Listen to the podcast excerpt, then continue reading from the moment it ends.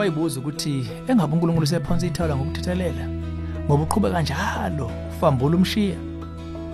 Namhlanje ohlelweni ezomndeni sizobuka ukuthi sithini ibhalo ngentethelo kaNkulunkulu. Lalela.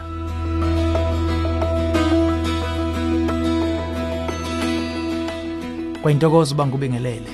Ezomndeni uhlelo kulethele izeluleko eziphathekayo ngaba ka focus on the family. Sizwe kumzalwane uphuma njalo endleleni. Osibuze wathi kukangaki kuba uNkulunkulu angithethelele angibuyisele kuye futhi?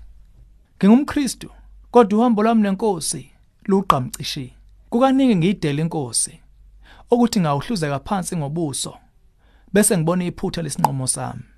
Kuyinhlala yenza lokhu empilweni yami. Ekuqaleni angicabanganga kabanzi ngakho kodwa manje sekuyangikhathaza. Ngakube sengiseqile yini isikali sentethelelo ekalelwe mina? Ngakube sengimqedwe ukubekezela uNkulunkulu. Ngakube yinto le okumele ngikhathazeke ngayo.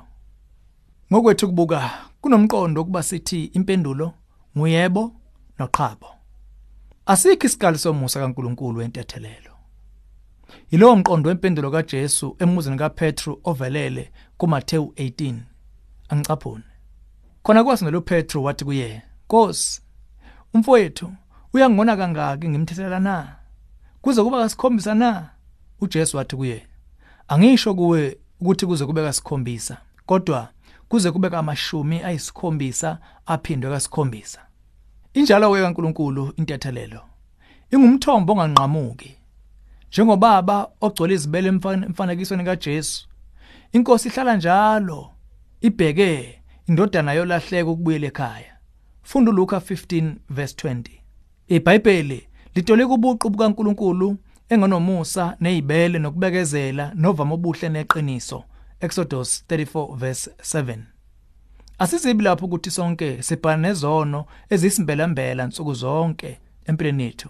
Sonke sibhekene nalokugenqa igonqo oya phansi oya phezulu uyebo ucha ukudonsa ukududula wesifo ongaphakathi ebudlani bethu nenkosi.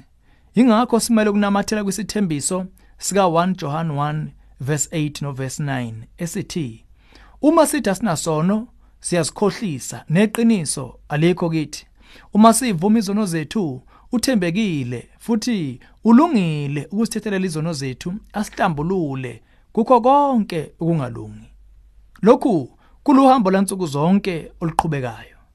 Likhona ke linye ikhonco kule ndaba nebala. Ingakho sithe impendulo embuzini wakho inguyebo noqhabo.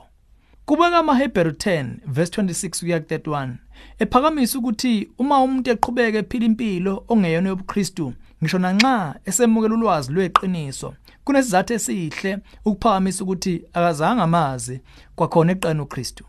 Sikhuluma lapha ngumuntu oqhubeka ngenkani enza isona esisodwa esiphinda phinda ngokusemqoka sikhuluma ngomuntu okwenza lokhu engenakuyisola nongakhombisi impawu zokulangazela uguquko. Esimeni somuntu onjalo umbhalo uthi kukhanda umqondo ukumukela ukuthi kawusekho umhlatshelo wesono osakhona. Kunokwenzeka kuba ilokhu kanye ibhale ezikushoyo uma zisixwayisa singalingi uNkulunkulu nokucasula umoya ingcwele manje thini ke indlela eyaphambili ngokuphathekayo? Kusobala. Uma umthanda ngempela uNkulunkulu sokuyisikhathi sokukhula lesi. Cishe isikhathi lesi sokwazi ukuthi uthando lweqiniso aluxhaphaza ukubekezela nokubheka kade komunye umuntu. Uthando lweqiniso alusho ukuthi uma ngihlanhlatha kwesikhashana vele ngizobuya. Kunalokho luyalila ngisho ngokuphula lobundawonye ngisho ngokuthiwa kube ngokwesikhashana. Luyigcina lusekhaya bese luzame ukuhlala lihlanzekile. Intshisekelo yalo kuhlala kukuthokozisa nokuhlonipha olumthandayo. Uma lokhu ngumdonsiswano ongaphakathi oqhubekayo sikhuthaza kakhulu utholo omunye omethembayo ongakusiza. Funa umzalwane osekhulile enkosini ikakhulu umfundisi umholi ebandleni kumbe umKristu ongumeluleki oqeqeshiwe ongama nawe. Owethu umthandazo ukuthi uvula inhliziyo yakhe ebudlalaneni obuliqiniso nokubugcwalisa inhliziyo lenkosi lolu hlelo ezomndeni ulethulelwe yi-focus on the family sihlangabezwa ohlelweni oluzayo.